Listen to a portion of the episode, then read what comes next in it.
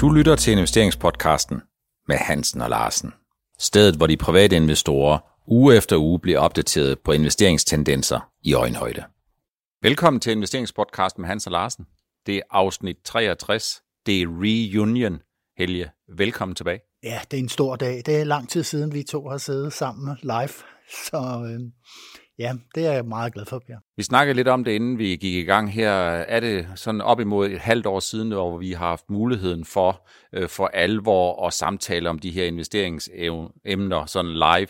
Altså, det er jo et vidnesbyrd om, at covid-19 heldigvis er på retur på investeringsmarkederne, men den er altså stadigvæk meget aktiv og levende i samfundet. Ja, den florerer rigtig meget i samfundet, når du ser ved det, hvad der sker i Indien. Det går saftsus med stærkt derude, ikke? Så Øh, puha, det vil påvirke øh, markedsøkonomierne over hele verden i, i, i nogle år endnu, tror jeg. Men øh, det går da meget godt med investeringsøkonomi det må man sige, parallelt med den rigtige og den virkelige økonomi, parallelt med den rigtige og virkelige dagligdag, som vi møder altid, jamen der er der jo investorerne, som hele tiden har 100 kroner, som de skal få til at yngle og investere under skyldig hensyntagen til deres risikoprofil, og det er altså det, øh, som jo gør, at øh, fra tid til anden, så er der en stor forskel på, hvordan øh, investorerne de opfatter verden, og hvordan den virkelige verden den ser ud.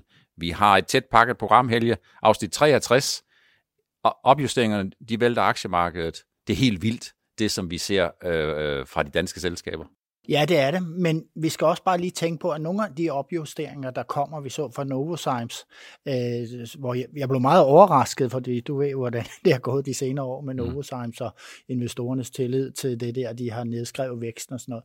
Vi ser jo i lige det her tilfælde, hvor de kommer noget rigtig godt, så er de også ude at melde, at der sker en lageropbygning, hvor, hvor kunderne kører rigtig meget hjem i kvartalet, mm. fordi de vil være sik- at de er usikre på den situation, mm. der kommer resten af året med corona, også med transportomkostninger og alt muligt andet. Så regnskaberne skal vi nok sige, de er præget af den her usædvanlige situation, og det kan både være positivt og negativt. I det her tilfælde har det været rigtig, rigtig positivt. Noget af det, som vi har hørt de seneste uger og seneste måneder, det er jo, at øh, der er nogen, der mangler komponenter, og det er jo egentlig det, som du slår på her. Der er nogle af dem, der skal have chips, og det er jo ikke, fordi de skal til at spise dem, men nogle af dem, der skal have chips, det er alt fra bilindustrien til øh, andre ting, som der skal øh, chips ind i. De har svært ved at få dem frem, de har svært ved at få dem produceret, de har svært ved at få dem leveret, og på samme måde, som du siger, så er der måske lidt hamstring for så vidt angår Novozymes øh, kunder. Novozymes har jo været et selskab, som har i mange analytikers øh, øjne været alt for dyr, alt for længe. Det er den vel stadigvæk. Ja, det er den i allerhøjeste grad, og den ligger jo også over de estimater, jeg lige så her til morgen, at der var kommet nogle opskrivninger på kursmålene fra nogle analytikere. Øh, jamen, de ligger jo under den nuværende kurs, ja. øh, så de har jo så holdt eller selv på, mm. på aktien alligevel. Novozymes er et verdensklasse selskab, det er der ingen tvivl om. De har svært ved at få væksten i gang de sidste 4-5 år, og det er nok det, det er det relative forhold mellem, hvad er der priset ind, øh, øh, og øh, den virkelighed, man ser, snarere end at, at investorerne og analytikerne er utilfredse med selskabet, fordi de kan godt se, at Novozymes meget vel kan komme til at spille en betydelig rolle i den grønne omstilling. Er det ikke sådan? Jo, fuldstændig, og det er et kvalitetsselskab, som øh, mange af de andre danske selskaber er. At det, øh, de har, har styr på butikken, mm. men de kan jo ikke have styr på efterspørgselen ud i verdensmarkederne, men det hjælper jo lidt, at vi har en grøn omstilling, og det glæder vi os til at se fremover. Hvis vi lige går et skridt tilbage, ja, så regnskabssæsonen den startede med regnskaber for et par uger siden fra Tryk og fra Christian Hansen det var okay, det var fornuftigt, men det var ikke sådan noget, der kom fuldstændig op og ringe. Så fik vi tirsdag, der fik vi, øh, ja vi fik det faktisk mandag aften, der fik vi en kæmpe opjustering fra Mærsk. For mig at se, jamen det svarer nogenlunde til, at de her containerskib, de sejler som nogle indtjeningsmæssige speedbåde. Ja, det gør det. Jeg har en nordmand i den sammenhæng. Altså, øh, jeg synes, at øh, Jamen, det er jo tegn på, at der transporteres varer over hele verden i kæmpe omfang. Altså, og der er en mangel på container lige frem, ikke? og der kører ved havnene, og øh, retterne de ryger bare op. Og man siger, at man faktisk er kommet ind i en supercycle her på, på, på tankmarkedet, og nu må vi se, om det holder stik. Men et eller andet pres, yderligere pres, kommer der vel på, når markederne åbner øh, for alvor, og detailhandlen skal endnu højere op i svingninger. Forløbet har det jo været præget meget af, at der er mange, der øh, af de her netbutikker og alt det her over hele verden, der har, har købt ind. Jeg tror, når du sagde supercycle på tankmarkedet, så mente du supercycle på containermarkedet. Ja, undskyld, jeg er på containermarkedet. Men øh, vi må da håbe, det kommer på tankmarkedet også for dem, der investerer i den sektor. Hvis det kommer i tankmarkedet igen, så kommer der gas på. Det er der ingen tvivl om, ja. Ja. fordi det er jo et af de steder, hvor man ikke har taget udgangspunkt i, og ikke på nuværende tidspunkt indpriser, at der kommer sådan en supercycle. Den cycle er slet ikke begyndt endnu, så i givet fald, så vil det jo komme som en positiv Nu overraskelse. nævnte du lige gas, men inden for LPG-gassen der, der siger man, at, man, at der prøver man at, at, skyde sig ind på, at nu er supercyclen ved at starte her, Okay. fordi at øh, med udbud af skib bliver mindre, mm. øh, hvorimod det er straks værre med LNG-gassen. Der kom jo også tirsdag, der kom der jo også et ganske udmærket regnskab fra DSV. Der kom flere ting fra DSV. DSV, de leverer både varer til tiden, og så leverer de gode regnskaber rettidigt, og det gør de altid. DSV, dem kan man altid regne med. Øh, det er en af de der aktier, som investorerne med rette har blind tillid til Jens Bjørn og Company. De gør det altså fuldstændig fænomenalt, og den kultur, de har ude i DSV, jamen den kan man kun tage hatten af for, og sådan for alvor bukke. Men der kom jo også andre ting. De lavede endnu et opkøb. Øh, Det er et lidt anderledes opkøb end de, nogle af de andre, vi har set. Er det ikke korrekt? Jo, de betaler med egne aktier i først og fremmest, ikke? og de tilfører jo så øh, virksomheden en omsætning på hvad, 25 procent eller sådan noget lignende, ikke? Ja. Øh, ved det her opkøb, og så øh, betaler de så med egne aktier, og så kan man jo så regne ud, ja, var det øh, 8 procent af egne aktier, eller hvordan var det, det var skruet sammen? Mm. På en, det var skruet sammen på en, en måde, hvor jeg tænkte, okay, når de får kørt den her butik, de køber op Mm. på samme måde og skåret mm. den til Mm. mm. efter den læst, de nu har gjort i årvis, Mm. mm. jamen så er det jo en god forretning for, øh, for aktionærerne, det her. Men jeg tænker også, Helge, at der var to andre ting, som jeg har fokuseret på, der gør det lidt anderledes. Den første, det var jo det, der kom frem, øh, at det var et selskab, Agility, som henvender sig til meget agile DSV. Så det er selskabet, der henvender sig til DSV og siger, vi kunne godt tænke os at blive lagt sammen med jer. Så det er den ene ting, hvor man ligesom siger, det er ikke DSV, der ligesom kigger som en sulten ulv, der kigger, hvem For at finde noget billigt derude. for at finde noget billigt derude. Og den anden ting, det er formentlig også noget af det, der afspejler sig i den pris, man betaler, for det er et selskab, der løber rundt med en øh, omsætning på cirka 4 milliarder dollar, og de betaler 4,1 milliarder dollar på basis af aktiekurserne. I går så, betaler, så overtager de også 100 millioner dollar i gæld. Så det er en samlet enterprise value, altså værdien af markedsværdien af, af egenkapitalen øh, plus gælden, som ligger over deres omsætning. Øh, og det er jo ikke det, som DSV har for vane at betale en gang omsætning eller mere. Så det er et udtryk for, at DSV er ved at, hvad skal man sige, have udtømt potentialet for at købe nødlidende virksomheder, eller tror du bare, det her det er en mulighed, der bare opstod? Man kan sige, det som DSV jo har lukreret på de sidste 10-15-20 år, det er, at der findes så ufattelig mange talentløse virksomheder derude, som ikke forstår at drive deres forretning.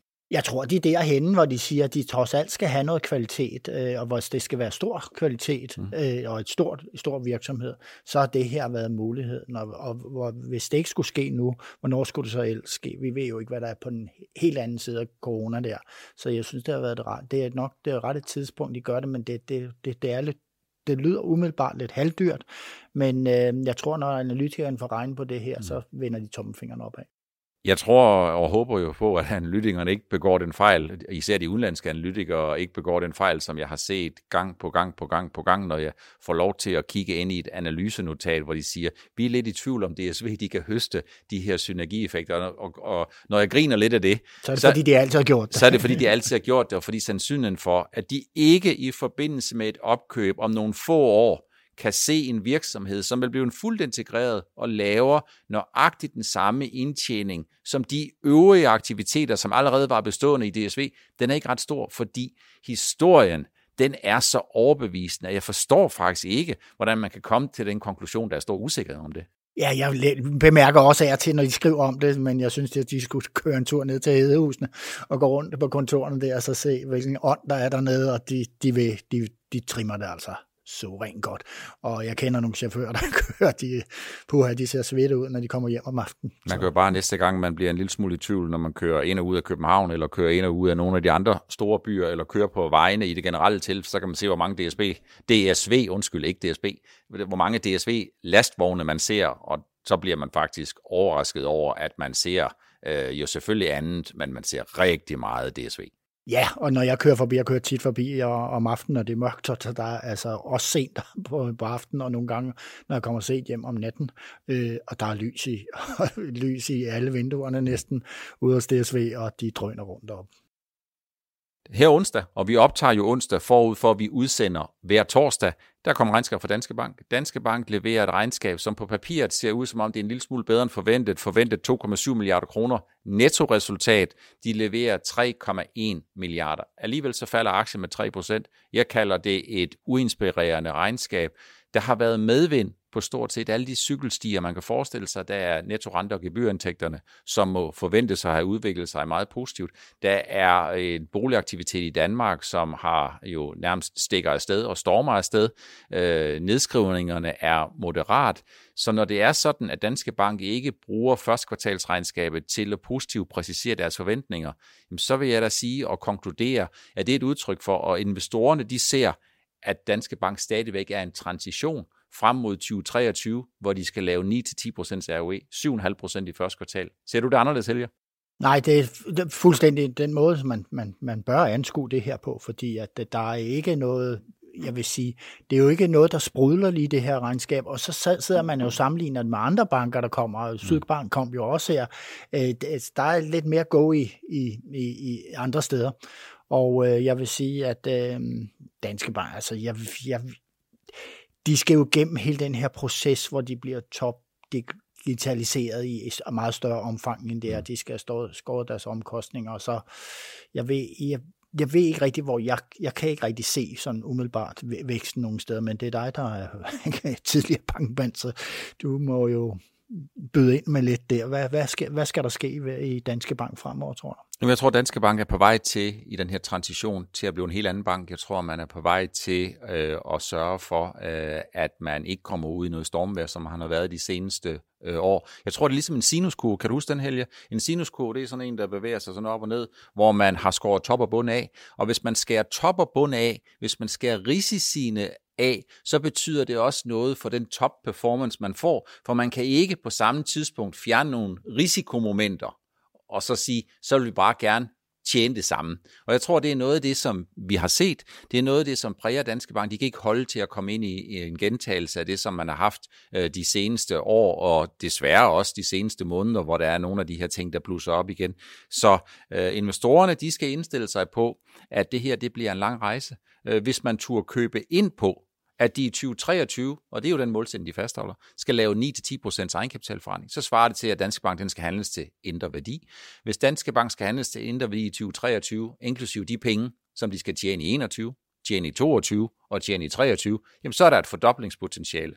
Og når det er sådan, at investorerne ikke bare løber ned i Nordnet og køber alle de danske bankaktier, der er til salg, så er det jo et udtryk for, at man ikke føler sig 100% komfortabel med, at rejsen fra de 7,5 til de varigt 9-10% ROE uden de store risikomæssige svinkeærner, det bliver a walk in the park. Ja, der køres med foden på bremsen, let på bremsen, ikke? for ja. ikke at det skal løbe fra en. Og øhm, det, jeg tror, at der er så meget andet ude i markedet, man kan investere i, for eksempel amerikanske banker, hvis man vil til banksektoren. Ikke? Mm. Så, så jeg tror, at der er nogen, der, der, der glemmer Danske Bank i øjeblikket. Vi havde for et par uger siden, Helge, der havde vi øh, en indledende samtale på telefonen om, at der ville være gode regnskaber men at vi formentlig ikke ville se, at der vil være nærmest euforiske og jubelscener fra samtlige af de 25 danske største selskaber. Det tror jeg stadigvæk ikke. Men jeg er også nødt til at sige, forventningerne, som var høje, de kan faktisk godt blive overgået. Ja, det kan de godt, øh, men øh, alligevel så tror jeg, at man er, mm, mm, vi, vi ved, at det første kvartal det bliver rigtig godt for rigtig mange sektorer.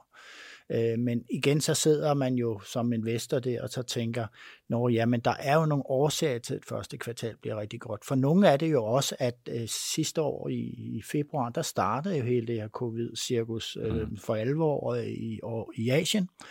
Og øh, så rullede det så videre i løbet af marts måned. Det vil sige, at man har jo omsætningsmæssigt og alt muligt andet og indtjeningsmæssigt været præget af, at der var en covid-situation sidste år. Så mm. man glæder, når man, kvartal for, når man sammenligner de to kvartaler, jamen så skal man altså også have en god stigning i det her kvartal i år, fordi nu har man lige fået styr på situationen, og man har fået, man er ikke ramt så meget. Dengang blev alt gik stå lige pludselig. Ikke? Mm.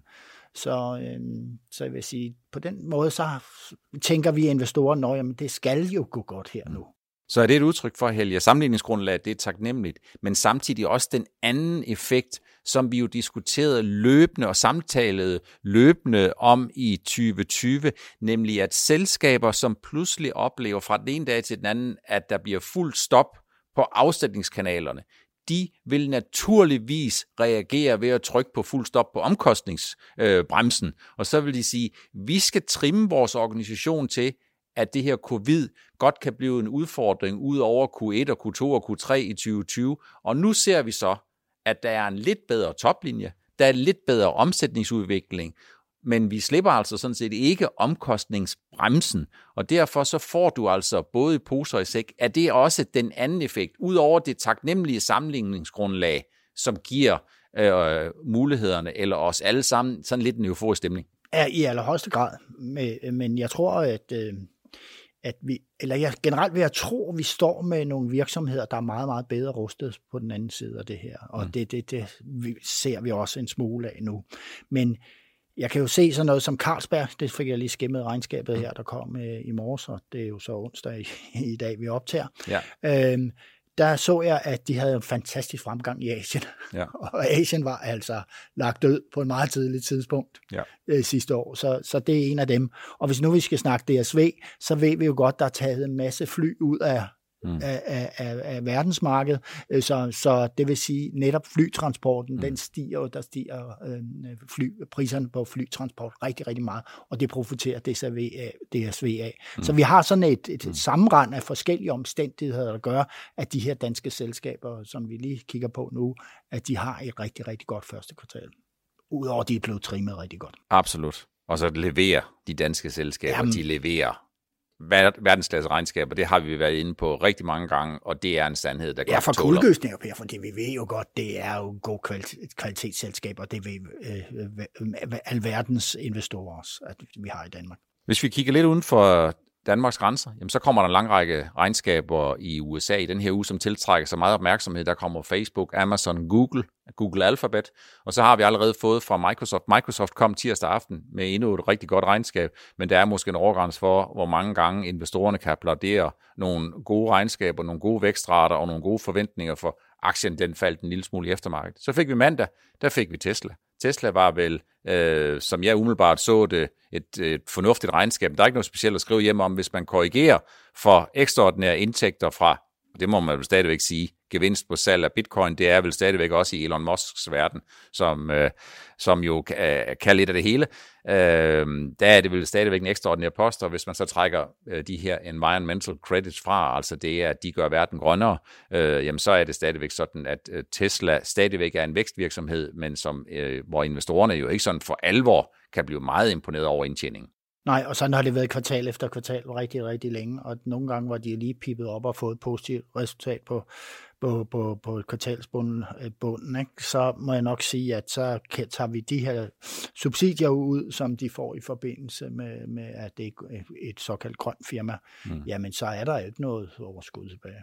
Vi må håbe, at øh, investorerne de holder fast. Øh, aktien faldt med 4%. Jeg synes jo, øh, aktien falder 4%. Jamen altså, det er jo en meget naturlig reaktion på, at der ikke var noget nyt positivt. Det er jo ikke fordi, at dem, der var positive, sådan set bare lige pludselig bliver negative. De reagerer på dagen og så siger, var der noget netto ny positiv brændstof til aktieopturen? Og det var der ikke. Ja, og der er hele tiden kort penge i dem, og de skal jo ud når, i sådan en situation. Ikke? Noget af det, som øh, jo også har været øh, kendetegnende øh, ved elbilsindustrien, jamen det er jo noget, vi har været lidt inde på, nemlig tyskerne kommer. Men noget af det, som der, man ikke har snakket så meget om, det er jo faktisk, at nogle af de tyske bilaktier, de har jo faktisk gjort det fuldstændig fænomenalt de sidste 12 måneder.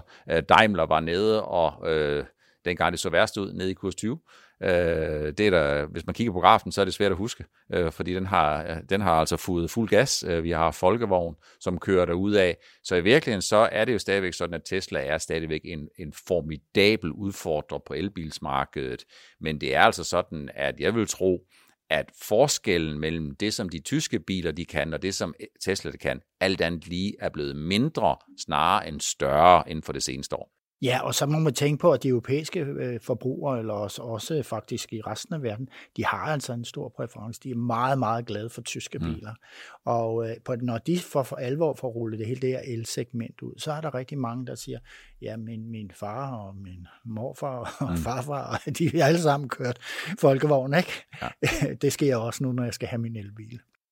Vi er godt i gang med afsnit 63 med investeringspodcasten med Hans og Larsen. Helge Larsen er kommet tilbage. Vi har en reunion, det er jeg super glad for. Jeg håber på, at øh, vi ikke længere får nogle af de her lockdowns, der gør, at vi skal tage og holde kontakten på telefon. Det kan være hyggeligt nok, men det er nu alt, alt andet lige mere inspirerende, når du er her. Vi har været igennem opjusteringerne, som vælter aktiemarkedet, men der er også en anden ting, som jeg lige vil, gerne vil ind på. I sidste uge, der snakkede vi jo noget om den revidering, der var i det indeks, som rigtig mange investorer har investeret i gennem den ETF, der hedder iShares Clean Energy, altså BlackRocks Clean Energy. Og det er noget af det, som vi snakkede om i sidste uge, det var at vide om en af årsagerne til, at Vestas og Ørsted har haft det så svært øh, i årets øh, anden og tredje måned, var, den her revidering, der kom af indekset, hvor man skulle gå fra nogle få til mange flere selskaber, og hvor Vestas og Ørsted, de så skulle komme til at vægte mindre i indekset. Men det er jo ikke det, der er sket, Helge. Nej, det viser det sig efterfølgende, det ikke er.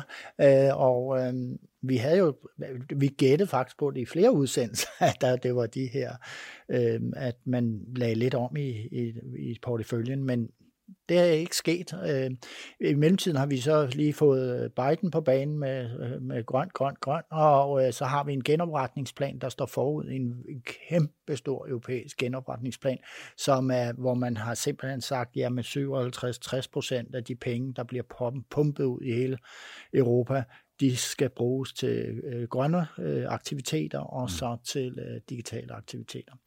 Og øh, det gør jo nok også, at der er den der øh, kog under gryden i Vestas, og måske også sted, at den, øh, den, den bluser op. Mm.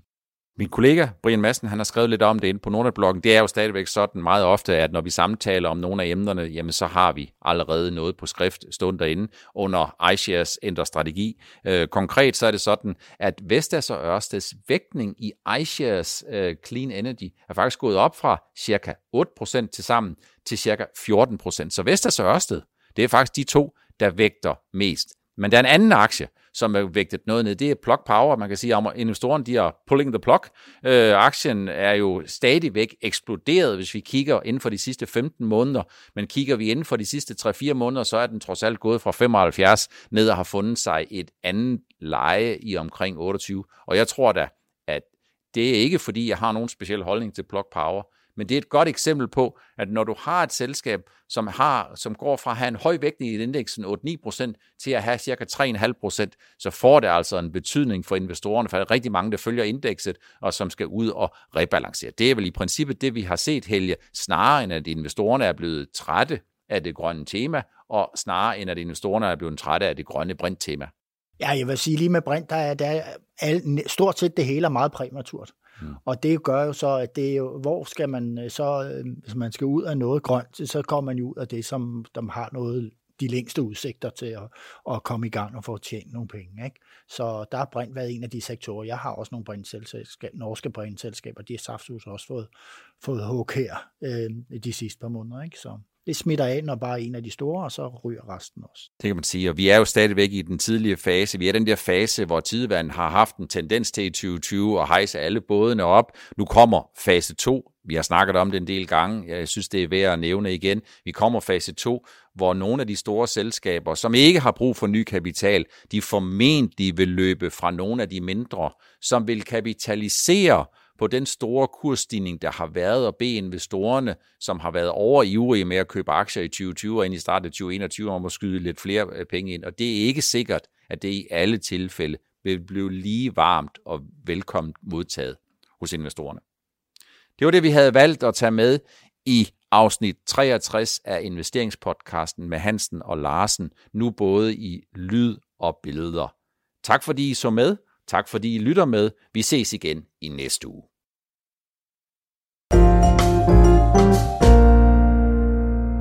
Du lyttede til investeringspodcasten med Hansen og Larsen. Vi ses igen i næste uge.